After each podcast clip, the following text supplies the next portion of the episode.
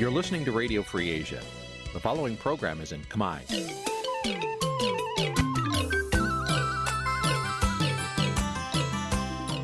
នេះជាកម្មវិធីផ្សាយ Vuthu Azizi Serai នេះជាកម្មវិធីផ្សាយរបស់ Vuthu Azizi Serai ជាភាសាខ្មែរ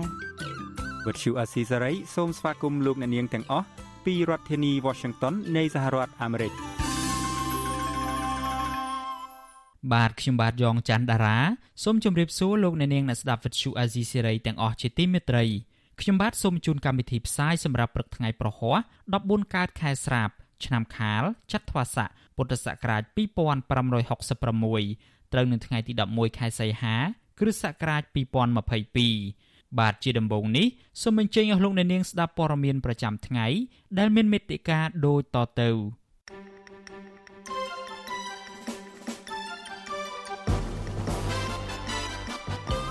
មេដឹកនាំវៀតណាមគាំទ្របេក្ខភាពនាយករដ្ឋមន្ត្រីរបស់លោកហ៊ុនម៉ាណែត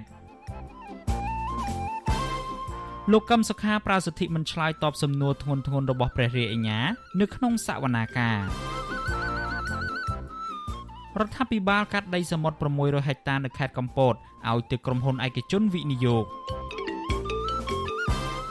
កសិករដាំកៅស៊ូត្អូញត្អែថាតម្លៃកៅស៊ូចុះថោកលក់មិនបានប្រាក់ដោះស្រាយជីវភាពគ្រួសារ រួមនឹងព័ត៌មានសំខាន់សំខាន់មួយចំនួនទៀត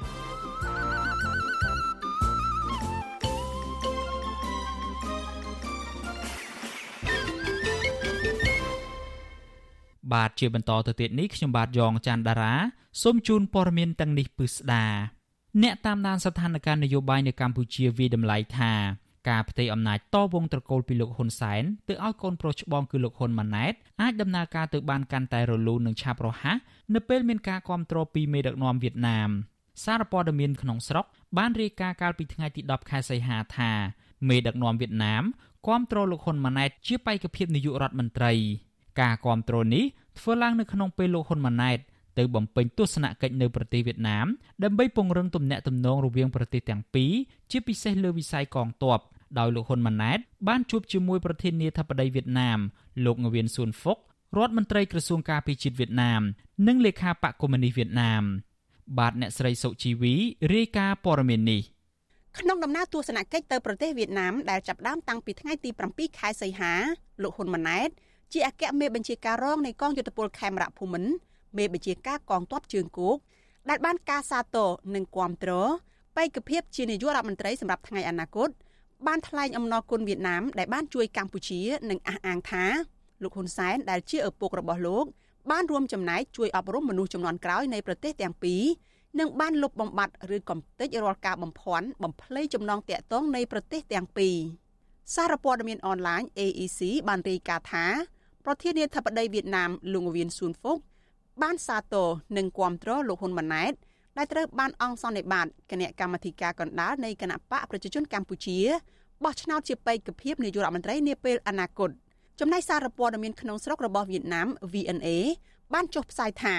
លោកងវៀនស៊ុនហ្វុកសង្ឃឹមថាដំណើរទស្សនកិច្ចរបស់លោកហ៊ុនម៉ាណែតនឹងជួយជ្រោមជ្រែងឲ្យទំនាក់ទំនងកម្ពុជាវៀតណាមមានជ័យជំនះបន្ថែមទៀត លោកងវៀនស៊ុនហ្វុកក៏បានប្រកាសគាំទ្រដល់កម្ពុជាជាបន្តទៀតក្នុងនាមជាអ្នកចិត្តខាងល្អជាមួយគ្នានេះសារព័ត៌មានកម្ពុជាថ្មីបានចុះផ្សាយដែរថាអនុប្រធានអគ្គសេនាធិការនៃកងទ័ពប្រជាជនវៀតណាមលោកវៀនវ៉ាន់ងៀបានសាទរនិងគាំទ្រលោកហ៊ុនម៉ាណែតដែលត្រូវបានជ្រើសតាំងជាបេក្ខភាពនាយករដ្ឋមន្ត្រីនាពេលអនាគតដែរក្នុងដំណើរទស្សនកិច្ចនោះលោកហ៊ុនម៉ាណែត ក៏បានជួបជាមួយរដ្ឋមន្ត្រីការពារជាតិប្រទេសវៀតណាមលោកហ្វានវ៉ាន់ហ្សាងក្នុងនោះលោកហ៊ុនម៉ាណែតបានស្នើសុំឲ្យរដ្ឋមន្ត្រីក្រសួងការពារជាតិវៀតណាមផ្ដល់ការគាំទ្រលើទិសដៅសំខាន់សំខាន់នៃកិច្ចសហប្រតិបត្តិការនៅក្នុងកម្រិតកងទ័ពជើងគោកសម្ដៅធ្វើយ៉ាងណាបន្តថែរក្សាចំណងសាមគ្គីភាពមិត្តភាពការទុកចិត្តគ្នានិងសហការគ្នាឲ្យបានស្អិតល្មួតបន្ថែមទៀតដើម្បីកសាងនិងការពារប្រទេសទាំងពីរតាមរយៈការធានាបាននូវព្រំដែនសន្តិភាព និងការអភិវឌ្ឍរួម ក្នុងដំណើរទស្សនកិច្ចនោះដែរលោកហ៊ុនម៉ាណែតក៏បានជួបជាមួយមន្ត្រីជាន់ខ្ពស់បកកុម្មុយនីសវៀតណាមលោកវ៉ូវ៉ាន់ធឿងបើតាមសារព័ត៌មានវៀតណាម VNA នៅចំពោះមុខលោកហ៊ុនម៉ាណែតលោកវ៉ូវ៉ាន់ធឿនបានរំលឹកថាបកកុម្មុយនីសវៀតណាមនិងបកប្រជាជនកម្ពុជា មានឫសគល់ចេញពីបកកុម្មុយនីសឥណ្ឌូចិនតែមួយលោករំពឹងថាគណៈបកទាំងពីរនឹងបន្តរួមគ្នានិងគាំទ្រគ្នាទៅវិញទៅមកដើម្បីការរីកលូតលាស់ទៅថ្ងៃមុខទៀត។ តាក់ទងនឹងដំណើរទស្សនកិច្ចរបស់លោកហ៊ុនម៉ាណែតទៅប្រទេសវៀតណាមនេះអ្នកវិភាគនយោបាយលោកកឹមសុខដែលកំពុងរស់នៅប្រទេសហ្វាំងឡង់មានទស្សនៈថាដំណើរការផ្ទៃអំណាចពីលោកហ៊ុនសែនទៅលោកហ៊ុនម៉ាណែតទំនងជាកំពុងជួបបញ្ហាផ្ទៃក្នុងដែលចាំបាច់លោកត្រូវប្រឹងប្រែងរកការគ្រប់គ្រងពីវៀតណាមដើម្បីឲ្យដំណើរការផ្ទៃអំណាចនោះអាចធ្វើទៅបានដោយងាយស្រួលនិងឆាប់រហ័ស។ ខ្ញុំគិតថាលោកហ៊ុនម៉ាណែតទៅសន្យាជាមួយមេដឹកនាំវៀតណាមថាត្រូវទៅគោរពតាមវៀតណាមលើចំណុចណាខ្លះដែលវៀតណាមចង់បានដើម្បីស្វែងរកការធានាឲ្យវៀតណាមនឹងគ្រប់គ្រងផែនការផ្ទៃអំណាចពីលោកហ៊ុនសែនទៅលោកហ៊ុនម៉ាណែតហើយទំនងជាផែនការនឹងគេចិត្តអនុវត្តហើយនៅពេលដែលលោកហ៊ុនម៉ាណែតទៅជួបសន្យាមេដឹកនាំវៀតណាមផ្ទាល់នៅចំណុចទាំងឡាយដែលគាត់ត្រូវគោរពតាមមហិច្ឆតារបស់វៀតណាមដែលចង់លេបយកកម្ពុជានឹងចំណែកតំណាងរាជជាប់ឆ្នោតនៃគណៈបកសង្គ្រោះជាតិលោកអ៊ុំសំអានប្រាប់វិទ្យុអាស៊ីសេរីនៅថ្ងៃទី10ខែសីហាថាវៀតណាមគឺជាបងធំអាចជួយសម្របសម្រួលផ្ទៃក្នុងគណៈបកប្រជាជនកម្ពុជាមិនឲ្យប្រឆាំងទាស់នឹងបេក្ខជននាយករដ្ឋមន្ត្រីរបស់លោកហ៊ុនម៉ាណែតនៅថ្ងៃអនាគតលោកអ៊ុំសំអានយល់ឃើញថានៅពេលរដ្ឋាភិបាលខ្មែរដឹងគុណវៀតណាមមិនចេះចាប់តកូនចៅបែបនេះនឹងធ្វើឲ្យទឹកដីកម្ពុជាបាត់បង់ម្ដងបន្តិចម្ដងបន្តិច និងមានអន្តោប្រវេសន៍ខុសច្បាប់វៀតណាមកាន់តែច្រើនលោកព្រួយបារម្ភថាកម្ពុជាអាចនឹងមានវាសនាត្រូវបាត់បង់ដោយកម្ពុជាក្រោមបើមិនយកចិត្តទុកដាក់ចំពោះបញ្ហាវៀតណាមដោយលោកកឹមសុខដែរលោកអ៊ុំសំអានអះអាងថាលោកហ៊ុនសែនមិនទុកចិត្តផ្ទៃក្នុងគណៈបកប្រជាជនកម្ពុជាឡើយព្រោះមានការរង្គោះរង្គើខ្លាំង។ លោកហ៊ុនសែនក៏មិនទុកចិត្តផ្ទៃក្នុងគណៈបព្វជិជនទេបើសិនជាគាត់ទុកចិត្តគាត់ប្រកាសជាបកគលតំណែងនាយករដ្ឋមន្ត្រីទៅឲ្យលោកសខេឬអ្នកដទៃទៀតក្នុងគណៈបព្វជិជននៅពេលដែលគាត់ឈប់ធ្វើជានាយករដ្ឋមន្ត្រីក៏ប៉ុន្តែគាត់អត់ទុកចិត្តផ្ទៃក្នុងគណៈបព្វជិជនហ្នឹងបើសិនជាគាត់បកគលទូនាទីទៅឲ្យអ្នកផ្សេងទៀតនៅពេលដែលគាត់ឈប់ធ្វើជានាយករដ្ឋមន្ត្រីអាចកាត់ទោសគាត់ពីបទក្រិតណាមួយអញ្ចឹងណាព្រោះគាត់បាត់ដៃផ្លាក់ឈាមដូច្នេះគាត់ក៏ទុកចិត្តតកូនគាត់ក៏យល់ថាមានតកូនគាត់ដែលអាចការពារគាត់ឲ្យរួចផុតពីការកាត់ទោសនៅពេលអនាគតដែលគាត់ឈប់ធ្វើជានាយករដ្ឋមន្ត្រីអ្នកដទៃទៀតក៏គេចង់ខ្លាចជានាយករដ្ឋមន្ត្រីទេដូចលោកសខេឬមន្ត្រីដទៃទៀតនៅពេលដែលលោកហ៊ុនសែនឈប់ធ្វើជានាយករដ្ឋមន្ត្រីប៉ុន្តែលោកហ៊ុនសែនគាត់អត់ចង់ប្រកួតទូនាទីហ្នឹងទៅឲ្យអ្នកដទៃអញ្ចឹងទីក្នុងគណៈបព្វជិជនគេមិនសប្បាយចិត្តដែរដូច្នេះហើយបានជាលោកហ៊ុនម៉ាណែតត្រូវពឹងវៀតណាមដើម្បីដើម្បីឲ្យគ្រប់គ្រងខ្លួនជានាយករដ្ឋមន្ត្រីនៅពេលអនាគតហើយសម្រាប់រដ្ឋទីក្នុងគណៈបព្វជិជនលោកអ៊ុំសំអានបន្តថាកត្តាមិនទុកចិត្តផ្ទៃក្នុងគណៈបកប្រជាជនកម្ពុជានេះធ្វើឲ្យលោកហ៊ុនសែនសម្រេចចិត្តធ្វើវិសោធនកម្មរដ្ឋធម្មនុញ្ញលើកទី10ដែលធានាថា លោកហ៊ុនម៉ាណែតអាចធ្វើជានាយករដ្ឋមន្ត្រីបានទោះស្ថិតនៅក្នុងកលៈទេសៈណាក៏ដោយពាក់ព័ន្ធនឹងរឿងនេះវិទ្យុអាស៊ីសេរីមិនអាចតាក់ទងแนะនាំពាក្យគណៈបកប្រជាជនកម្ពុជាលោកសុកអេសាននិងអ្នកនាំពាក្យរដ្ឋាភិបាលលោកផៃស៊ីផានបានទេកាលពីថ្ងៃទី10ខែសីហាលោកនាយរដ្ឋមន្ត្រីហ៊ុនសែនជាញឹកញយបានប្រកាសពីការបន្តពង្រឹងអំណាចនិងគាំទ្រកូនប្រុសច្បងរបស់លោកពេញទំហឹងឲ្យស្នងតំណែងជានាយករដ្ឋមន្ត្រីបន្តពីលោកថ្មីថ្មីនេះលោកក៏បានប្រកាសជំហរ ឲ្យកូនឲ្យចៅលោក បន្តតំណែងជានាយករដ្ឋមន្ត្រីតជំនាន់ក្នុងផែនការផ្ទេរអំណាចតទៅឲ្យកូននេះសមាជិករបស់គណៈបកប្រជាជនកម្ពុជារបស់លោកហ៊ុនសែនបានសម្រេចជាឯកច្ឆ័ន្ទឲ្យលោកហ៊ុនម៉ាណែតធ្វើជាបេក្ខភាពអនាគតនាយករដ្ឋមន្ត្រី កាលពីចុងខែធ្នូឆ្នាំ2021នាងខ្ញុំសុជីវីវិទ្យុអាស៊ីសេរីពីរដ្ឋធានី Washington អាស៊ីសេរីលោកអ្នកនាងជាទីមេត្រីប្រទេសចិនកុម្មុយនី បានសម្រេចបន្តធ្វើសមយុទ្ធយោធានៅច្រកសមុទ្រតៃវ៉ាន់ដោយគ្មានការកំណត់ដើម្បីឆ្លើយតបប្រឆាំងទៅនឹងដំណើរទស្សនកិច្ចរបស់ប្រធានរដ្ឋសភាអាមេរិកទៅកាន់កោះតៃវ៉ាន់កាលពីពេលថ្មីៗនេះការបន្តធ្វើសមយុទ្ធយោធារបស់ចិននេះកំពុងធ្វើឲ្យសភាពការនៅតំបន់ច្រកសមុទ្រតៃវ៉ាន់ឡើងកម្ដៅខ្លាំងនិងធ្វើឲ្យប្រទេសក្នុងតំបន់រួមទាំងកម្ពុជាផងព្រួយបារម្ភយ៉ាងខ្លាំង។ តើកម្ពុជាគួរប្រកាន់ជំហរបែបណាដើម្បីបញ្ជៀសពីហានិភ័យនៃការធ្លាក់ខ្លួនចូលក្នុងអន្ទាក់ចំនួនភូមិសាស្ត្រនយោបាយប្រសិនបើចិនសម្រេចលើកទ័ពឈ្លានពានដណ្ដើមយកអធិបតេយ្យរបស់កោះតៃវ៉ាន់មកគ្រប់គ្រងនាពេលខាងមុខនេះបាទលោកអ្នកនាងនឹងបានស្ដាប់សេចក្តីរាយការណ៍នេះពឹស្ដានាពេលបន្តិចទៀតនេះ។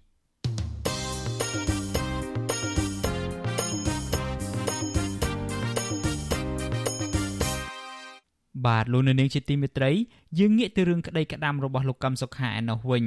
អ្នកតាមដានសវនាការសង្កេតឃើញថាតំណាងអัยការលោកប្លង់សុផល បានសួរសំណួរដូចចង់ច្របាច់កលោកកឹមសុខាយកចម្លើយក៏ប៉ុន្តែមេបកប្រឆាំងរូបនេះបានប្រើសិទ្ធិមិនឆ្លើយតបការលើកឡើងបែបនេះធ្វើឡើងនៅពេលសាលាដំបងរាជធានីភ្នំពេញបើកសវនាការលើកទី51តាក់ទងនឹងសំណុំរឿងក្បត់ជាតិរបស់លោកកឹមសុខាកាលពីថ្ងៃទី10ខែសីហាម្សិលមិញ បាទលោកទីនសាការីយ៉ារាយការណ៍ព័ត៌មាននេះអ្នកខ្លមើលសវនាការអះអាងថាលោកកម្មសខានិងសហមេធាវីព្យាយាមមិនឆ្លើយតបទៅនឹងតំណាងអัยការដែលព្យាយាមសួរសំណួរលោកកម្មសខាក្រៅពីសំណុំរឿងចាប់ប្រកាន់នោះមន្ត្រីជាន់ខ្ពស់សមាគមសិទ្ធិមនុស្សអាត6លោកយីសុកសានសង្កេតឃើញថាព្រះរាជអាជ្ញារងលោកប្លង់សផល ហាក់បានចាត់ទុកលោកកម្មសខាថាអ្នកមានទោសបាត់ទៅហើយបើទោះជាតឡាកា មិនទាន់រកឃើញថាលោកកម្មសខា មានទោសក្តីលោកយល់ថាសវនាការនេះ ជាការអស់បន្លាយពេលវេលាគណៈតឡាការហាក់គ្មានភ័ស្តុតាងជាក់លាក់យកមកដាក់បន្ទុកលើលោកកម្មសខានោះ លោកព្រះរាជញ្ញាគាត់តាំងសំណួរថាធម្មតាអ្នកដែលពាក់ព័ន្ធឬជនជាប់ចោតវាត្រូវតែមានវាសនានៅឈរមុខកញ្ចក់សេះហ្នឹងហើយដូច្នេះហើយដែលថាមានន័យថាជាការសន្មត់ថាគាត់មានទោសអញ្ចឹងហើយបានគាត់ប្រតិកម្មគាត់លែងឆ្លើយលែងតបតហើយពេលខ្លះមើលមួយព្រឹកនេះឃើញព្រះរាជញ្ញាគាត់អត់ទៅសួរទេគាត់ទៅជាអត្ថាធិប្បាយវិញគាត់បញ្យល់វិញបញ្យល់ឲ្យកូនឲ្យអ្នកជនជាប់ចោតយល់ឲ្យឆ្លើយ ការលើកឡើងបែបនេះនៅបន្ទាប់ពីលោកបានខ្លំមើលដំណើរការកាត់ក្តីលោកកម្មសខាលើកទី51កាលពីថ្ងៃទី10សីហាហើយព្រះអាជ្ញារងលោកប្លង់សផលព្យាយាមសួរលោកកម្មសខាដោយដាក់សំណួរមិនច្បាស់លាស់ដែលជាសំណួរបែបអត្ថាធិប្បាយអស់បន្លាយនិងស៊ីពេលវេលាលោកយីសុកសានបញ្ជាក់ថាសំណួររបស់តំណាងអัยការបែបនេះធ្វើឲ្យសហមេធាវីរបស់លោកកម្មសខាមិនសួរតបទៅតំណាងអัยការវិញទេរីឯលោកកម្មសខាវិញ ក៏រក្សាសិទ្ធិមិនឆ្លើយសំណួររបស់តំណាងអัยការបែបនេះដែរវិទ្យុអាស៊ីសេរីមិនអាចតកតងព្រះអាញារងលោកប្លង់សុផល និងសហមេធាវីលោកកម្មសខា ដើម្បីសំសួរអំពីបញ្ហានេះបន្ថែមបានទេកាលពីថ្ងៃទី10សីហាសវនកម្មប្រមាណសប្តាហ៍មកនេះសហមេធាវីការពារក្តីលោកកម្មសខា មិនសូវបានផ្ដល់បទសម្ភាសដល់អ្នកសារព័ត៌មាននៅក្រៅបញ្ចប់សវនកម្មនោះទេចំណែកឯអ្នកគាំទ្រលោកកម្មសខាប្រមាណជា50នាក់ បានឃ្លាំមើលសវនកម្មនៅខាងក្រៅរបងតុលាការគណៈក្រុមសមត្ថកិច្ចនៅតែរឹតបន្តឹងជុំវិញបរិវេណតុលាការរីឯតំណាងអង្គទូតមន្ត្រីអង្គការសហប្រជាជាតិនិងមន្ត្រីសង្គមស៊ីវិលបន្តចូលឃ្លាំមើលក្នុងបន្ទប់សវនាការដោយសពដងដែរអ្នកគាំទ្រលកម្មសខាម្នាក់គឺលោកណាប់សុជាតិរិះគន់ថា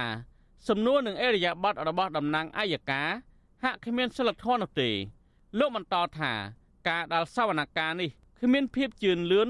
ព្រោះនេះជាការរៀបចំដោយអ្នកនយោបាយទោះជាយ៉ាងណាលោករំពឹងថាការធ្វើអន្តរាគមរបស់សហគមន៍អន្តរជាតិនឹងអាចធ្វើឲ្យលោកកម្មសខាឆាប់ទទួលបានសិទ្ធិធ្វើនយោបាយឡើងវិញអីចឹងសវនាការធ្វើឡើងវាភាពរញ៉េរញ៉ៃផងមើលទៅដូចជាវាមិនមានភាពឯករាជ្យហើយណាមួយការដេញដោលសួររបស់បរិយាញ្ញាគឺមានភាពដដែលនិងមានភាពធ្វើឲ្យ មើលទៅវាពុំមានសិលធម៌ក្នុងការអឺការដេញដោលហើយក្នុងការឆ្លើយផងដែរបងនៅរយៈពេលចុងក្រោយនៃសហរដ្ឋអាមេរិកនិងសហភាពអឺរ៉ុបបន្តទាមទារទៅរដ្ឋាភិបាលលោកហ៊ុនសែនឲ្យផ្ដល់សិទ្ធិធ្វើនយោបាយឲ្យលោកកម្មសខាឡើងវិញ ការទាមទារនេះគណៈលោកកម្មសខាបានបាត់បង់សិទ្ធិសេរីភាពជិត5ឆ្នាំមកហើយក្រោយពីរដ្ឋាភិបាលលោកហ៊ុនសែនបានចោទប្រកាន់ថាមេបកប្រឆាំងរំនេះបានខົບខិតជាមួយរដ្ឋបរទេស ដើម្បីបដូររំលំរដ្ឋាភិបាលកាលពីឆ្នាំ2017តើតើនៅរឿងនេះប្រធានអង្គភិបអ្នកនាំពាក្យរដ្ឋាភិបាលលោកផៃសិផាន លើកឡើងថាការសម្រេចយ៉ាងណាលើរឿងនេះជាសមត្ថកិច្ចរបស់តុលាការទោះជាយ៉ាងណាលោកអះអាងថាករណីលោកកម្មសខាគឺមានការបន្ធូរបន្ថយច្រើន រហូតមានការអនុញ្ញាតឲ្យជនបរទេសអាចចូលជួបលោកកម្មសខាបាននៅគេហដ្ឋាន។ ខាងរាជរដ្ឋាភិបាលគឺយើងអត់មានគេកំណត់ទេឬវិចារថ្លៃអីទេពីព្រោះនេះជានៅក្នុងដែនសមត្ថកិច្ចរបស់តុលាការចំពោះរឿងនយោបាយយើងបទូបថយច្រើនណាស់ដែលអនុញ្ញាតឲ្យបរទេសនឹងទៅជួបតែខុសពីប្រទេសដទៃទៀតណាអ្នកខ្លោមើលនយោបាយនឹងជាអ្នកសម្រាប់សម្រួលគម្រោងនៃសមាគមបណ្ដាញយុវជនកម្ពុជា CVN លោកមើច័ន្ទតារាយល់ថាការអស់បន្លាយពេលសវនកម្មលោកកម្មសខាបានធ្វើឲ្យប៉ះពាល់ដល់សិទ្ធិសេរីភាព និងការធ្វើនយោបាយរបស់លោកកម្មសខាលោកបន្តថាបញ្ហានេះក្រៅពីធ្វើឲ្យប៉ះពាល់ដល់លោកកម្មសខាក៏បានធ្វើឲ្យប៉ះពាល់ដល់ប្រជាពលរដ្ឋដែលគាំទ្រលោកកម្មសខាដែរដែលគ្មានជំរើសក្នុងការបោះឆ្នោតជនគណបកនយោបាយដែលពួកគេគាំទ្រលោកលើកឡើងថាករណីនេះក៏ធ្វើឲ្យសហគមន៍អន្តរជាតិបន្តដាក់ទណ្ឌកម្មលើកម្ពុជាបន្ថែមទៀតដែរ ខ្ញុំមើលឃើញថាសហគមន៍អន្តរជាតិគេនឹងធ្វើការគិតគូរពិចារណាឡើងវិញទៅលើការឲ្យកាត់ប្រព័ន្ធអនុគ្រោះពន្ធ GSP ផ្សេងផ្សេងហ្នឹងបើសិនបើឲ្យគេកាត់ជាទូទៅយើងមើលឃើញថាប្រទេសកម្ពុជារបស់យើងអត់មានអីចំណេញទេព្រោះឲ្យយើងដង្ហើមសេដ្ឋកិច្ចរបស់យើងក៏ពឹងលើឲ្យវិស័យឧស្សាហកម្មដែលនាំចេញទៅអាមេរិកផងដែរទោះបីឲ្យយើងទទួលជំនួយពីចិនច្រើនក៏ដោយតឡការនឹងបន្តសវនកម្មសំណុំរឿងលោកកម្មសខានៅថ្ងៃទី17សីហាសប្តាហ៍ក្រោយទៀតសហរដ្ឋអាមេរិកនិងសហភាពអឺរ៉ុប បានសន្យាថាកម្ពុជានឹងទទួលបានអត្ថប្រយោជន៍ប្រសិនបើផ្ដល់យុទ្ធធរជូនលោកកម្មសខាខ្ញុំធីនសាការីយ៉ាអស៊ីសេរីប្រធានីវ៉ាស៊ីនតោនលោកអ្នកនាងជាទីមេត្រីវិទ្យុអាស៊ីសេរីសូមជូនដំណឹងថាយើងគ្មានអ្នកយកព័ត៌មានប្រចាំនៅប្រទេសកម្ពុជាទេប្រសិនបើមានជនណាម្នាក់អះអាងថាជាអ្នកយកព័ត៌មានឲ្យវិទ្យុអាស៊ីសេរីនៅកម្ពុជា នោះគឺជាការក្លែងបន្លំយកឈ្មោះអាស៊ីសេរីទៅប្រើ នៅក្នុងគោលបំណងទុច្ចរិតណាមួយរបស់បុគ្គលនោះតែប៉ុណ្ណោះបាទសូមអរគុណ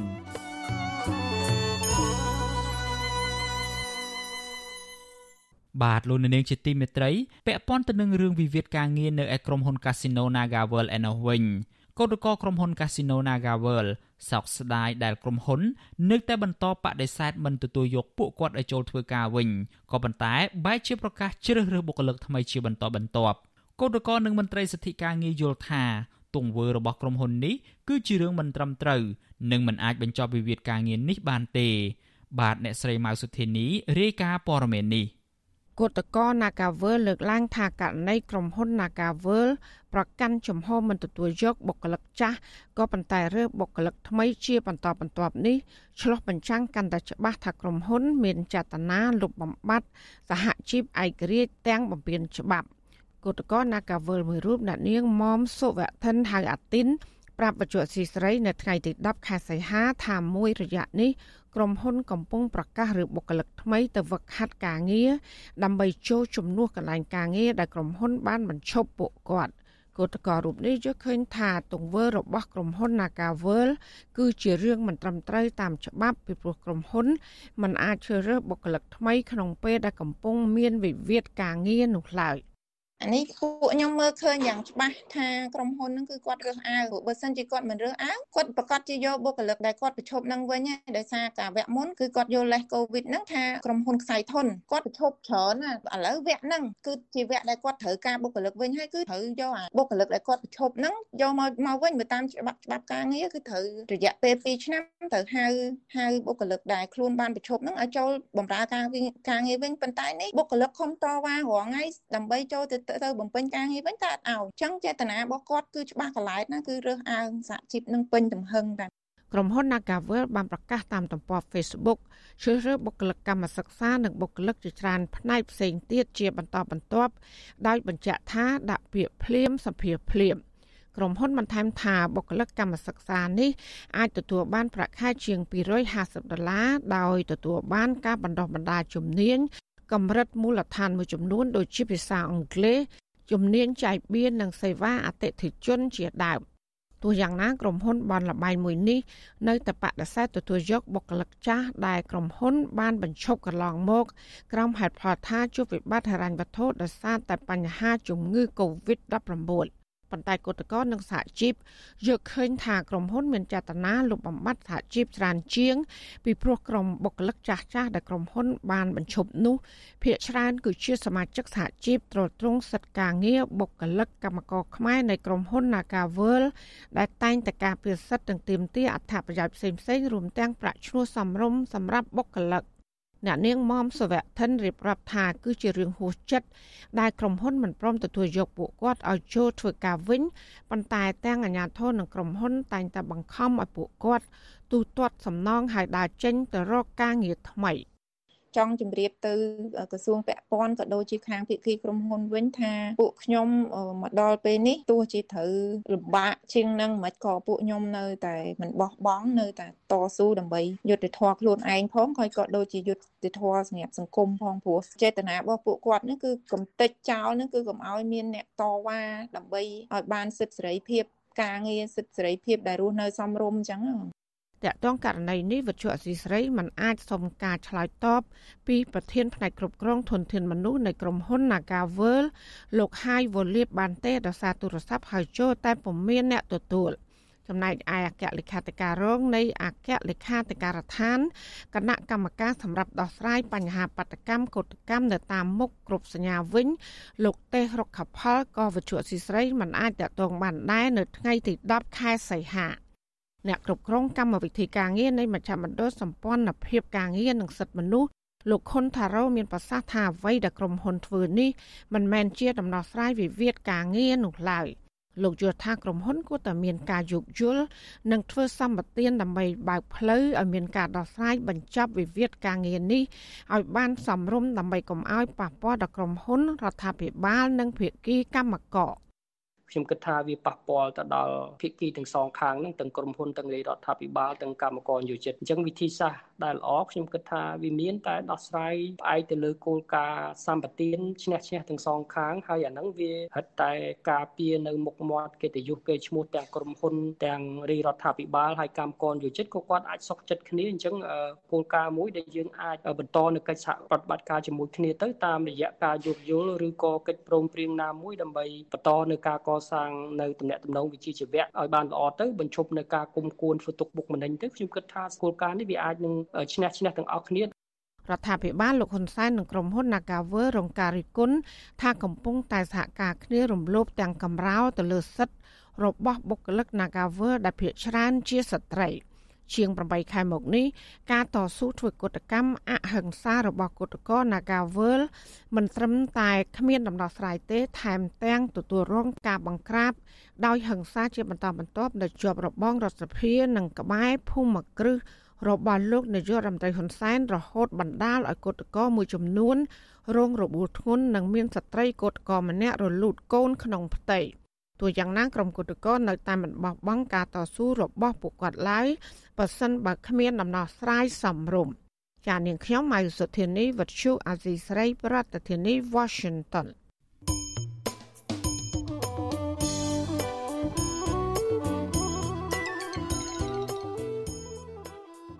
លោកអ្នកនាងជាទីមេត្រីដំណើរគ្នានឹងស្ដាប់ការផ្សាយវិទ្យុអាស៊ីសេរីតាមបណ្ដាញសង្គម Facebook និង YouTube លោកអ្នកនាងក៏អាចស្ដាប់កម្មវិធីផ្សាយរបស់វិទ្យុអាស៊ីសេរីតាមរលកធាតុអាកាសខ្លីឬ Shortwave តាមកម្រិតនិងកម្ពស់ដូចតទៅនេះពេលព្រឹកចាប់ពីម៉ោង5កន្លះដល់ម៉ោង6កន្លះតាមរយៈរលកធាតុអាកាសខ្លី12140 kHz ស្មើនឹងកម្ពស់ 25m និង13715 kHz ស្មើនឹងកម្ពស់ 22m ពេលយប់ចាប់ពីម៉ោង7កន្លះដល់ម៉ោង8កន្លះតាមរយៈរលក ធាតុអាកាសខ្លី9960 kHz ស្មើនឹងកម្ពស់ 30m 12140 kHz ស្មើនឹងកម្ពស់ 25m និង11885 kHz ស្មើនឹងកម្ពស់ 25m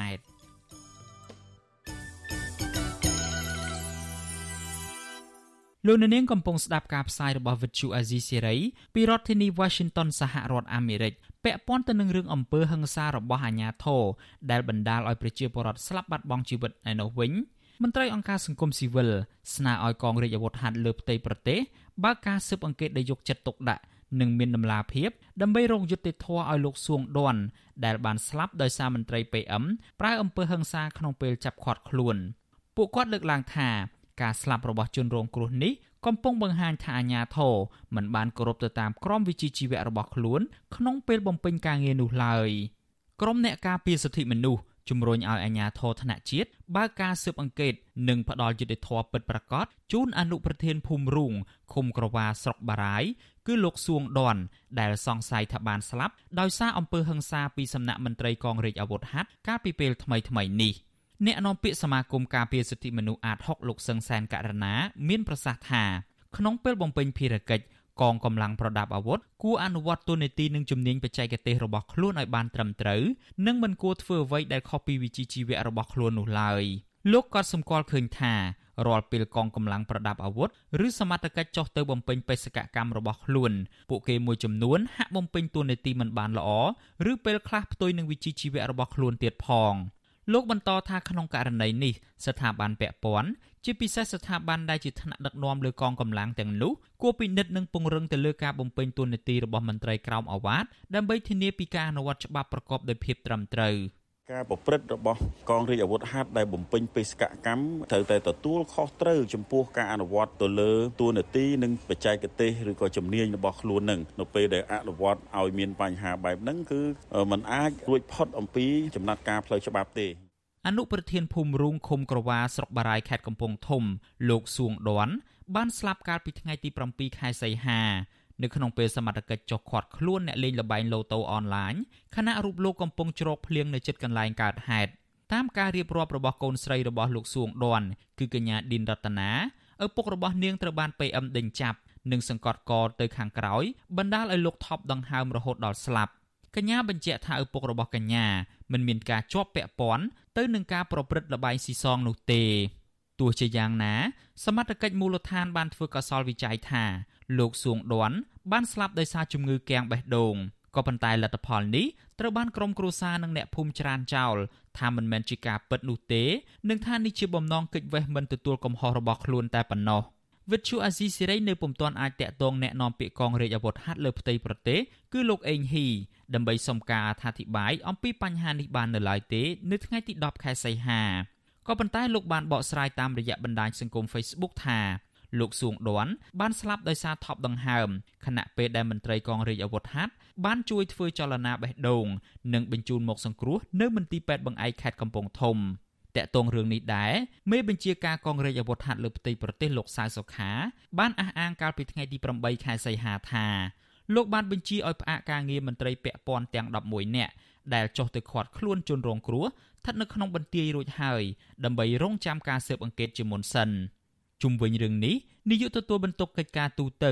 នៃអង្គការសិទ្ធិមនុស្សលីកាដូលោកអំសំអាតប្រាប់វិទ្យុអាស៊ីសេរីថាលោកគាំទ្រចំពោះចំណាត់ការរបស់លោកសៅសុខាដែលបង្កើតឲ្យមានក្រុមការងារចំពោះកិច្ចស្រាវជ្រាវក្នុងករណីនេះទោះជាយ៉ាងណាលោកចាត់ទុកថាការស្លាប់របស់ជនរងគ្រោះជាការបង្ហាញពីការអនុវត្តទូនាទីប្រឆាចពីវិជ្ជាជីវៈរបស់មន្ត្រី PM លោកឲ្យដឹងថានៅក្នុងពេលឃាត់ខ្លួនជនសង្ស័យណាម្នាក់ អាញាធរគ្មានសិទ្ធិប្រើអំពើហិង្សាទៅលើពួកគាត់នោះទេលុះត្រាតែមានការតដៃឬវាយប្រហារពីអ្នកទាំងនោះលោកបន្តថាប្រសិនបើមន្ត្រីទាំងនោះប្រព្រឹត្តខុសនឹងវិជ្ជាជីវៈនិងនីតិវិធីជាពិសេសការខាត់ខ្លួនណាមួយដែលបណ្ដាលឲ្យជនសង្ស័យស្លាប់បែបនេះនោះពួកគេក៏ត្រូវប្រឈមមុខចំពោះច្បាប់ដោយប្រជាពលរដ្ឋទូទៅដែរលោកជំរុញឲ្យក្រុមការងារកងរាជអាវុធហត្ថលើផ្ទៃប្រទេសបង្កើនការស៊ើបអង្កេតក្នុងករណីនេះឲ្យបានត្រឹមត្រូវនិងដោយយកចិត្តទុកដាក់ ព្រមទាំងមានដំណាភាពដើម្បីវែកមុខជនបង្កយកមកដាក់ទោសឲ្យបានធ្ងន់ធ្ងរតាមផ្លូវច្បាប់ដើម្បីផ្ដល់យុត្តិធម៌ដល់គ្រួសារជនរងគ្រោះ។ មន្ត្រីនគរបាលយុទ្ធធរក្តីមន្ត្រីកងរាជអាវុធហត្ថក្តីពេលដែលអនុវត្តប្រតិបត្តិការរបស់ខ្លួនត្រូវតែប្រកាន់ភ្ជាប់ទី1គឺអនុវត្តច្បាប់ទី2អនុវត្តតាមទេវវិធីទី3ត្រូវគោរពទៅតាមក្រមសីលធម៌នៃវិជ្ជាជីវៈរបស់ខ្លួនមិនអាចយកទូនីតិភារកិច្ចក្នុងពេលប្រតិបត្តិការនឹងប្រើប្រាស់នៅអង្គើហ ংস ាប្រើប្រាស់នៅទរណកម្មដោយខុសច្បាប់ ឬក៏ទង្វើខុសខើអមនុស្សធម៌ដែលផ្ទុយពីច្បាប់នឹងបានទេ ករណីអាញាធមមានសមត្ថកិច្ចប្រើអំពើហិង្សាលើប្រជាពលរដ្ឋរហូតដល់ស្លាប់នៅក្នុងពេលឃាត់ខ្លួននេះបានកើតឡើងជាហូរហែជាឧទាហរណ៍កាលពីចុងឆ្នាំ2019កន្លងទៅអតីតមន្ត្រី PM ជាន់ខ្ពស់ពីររូបនៅខេត្តបន្ទាយមានជ័យបានប្រើអំពើហិង្សានិងធ្វើទារុណកម្មលើប្រជាពលរដ្ឋតវ៉ាដីធ្លីចំនួន5នាក់បណ្ដាលឲ្យបរិសម្នាក់ឈ្មោះទុយស្រស់បានស្លាប់និងមួយចំនួនទៀតរងរបួសតុលាការខេត្តបន្ទាយមានជ័យ បានផ្ដន្ទាទោសជនដៃដល់ទាំងពីររូបដាក់ពន្ធនាគារម្នាក់4ឆ្នាំនិងម្នាក់ទៀត7ឆ្នាំពីបទហិង្សាដោយចេតនាមានស្ថានទម្ងន់ទោសនិងហិង្សាដោយចេតនាមានស្ថានទម្ងន់ទោសដោយសារមរណភាពនៃជនរងគ្រោះក៏ប៉ុន្តែម្នាក់ក្នុងចំណោមជនដៃដល់ទាំងពីររូបនោះគឺអតីតមេបញ្ជាការរងកងរាជអាវុធហត្ថខេត្តបន្ទាយមានជ័យលោកសប៊ុនសឿងត្រូវបានសាលាឧទ្ធរកាត់តម្រឹមទោសនិងដោះលែងវិញក្រោយពីអនុវត្តទោសបានតែជាង1ឆ្នាំដោយឡែកករណីមួយទៀត កាលពីថ្ងៃទី3ខែមេសាឆ្នាំ2021បរិសម្នាក់ឈ្មោះពេជ្រធីរ៉េតដែលរស់នៅស្រុកសង្កែខេត្តបាត់ដំបងបានបាត់បង់ជីវិតនៅក្នុងពេលប៉ូលីសចាប់ឃុំខ្លួនសួរចម្លើយនៅក្នុងអធិការដ្ឋាននគរបាលស្រុកសង្កែអស់រយៈពេលជាង3ម៉ោងទោះបីជាគណៈកម្មាធិការជាតិប្រឆាំងទារុណកម្មស៊ើបអង្កេតរកឃើញថាការស្លាប់នេះមានជាប់ពាក់ព័ន្ធនឹងការធ្វើទារុណកម្មរបស់នគរបាលស្រុកសង្កែយ៉ាងណាក្តី ក៏អ្នកជាប់សង្ស័យនៅក្នុងករណីនេះនៅតែមានសេរីភាពដដែលមកទល់នឹងពេលនេះ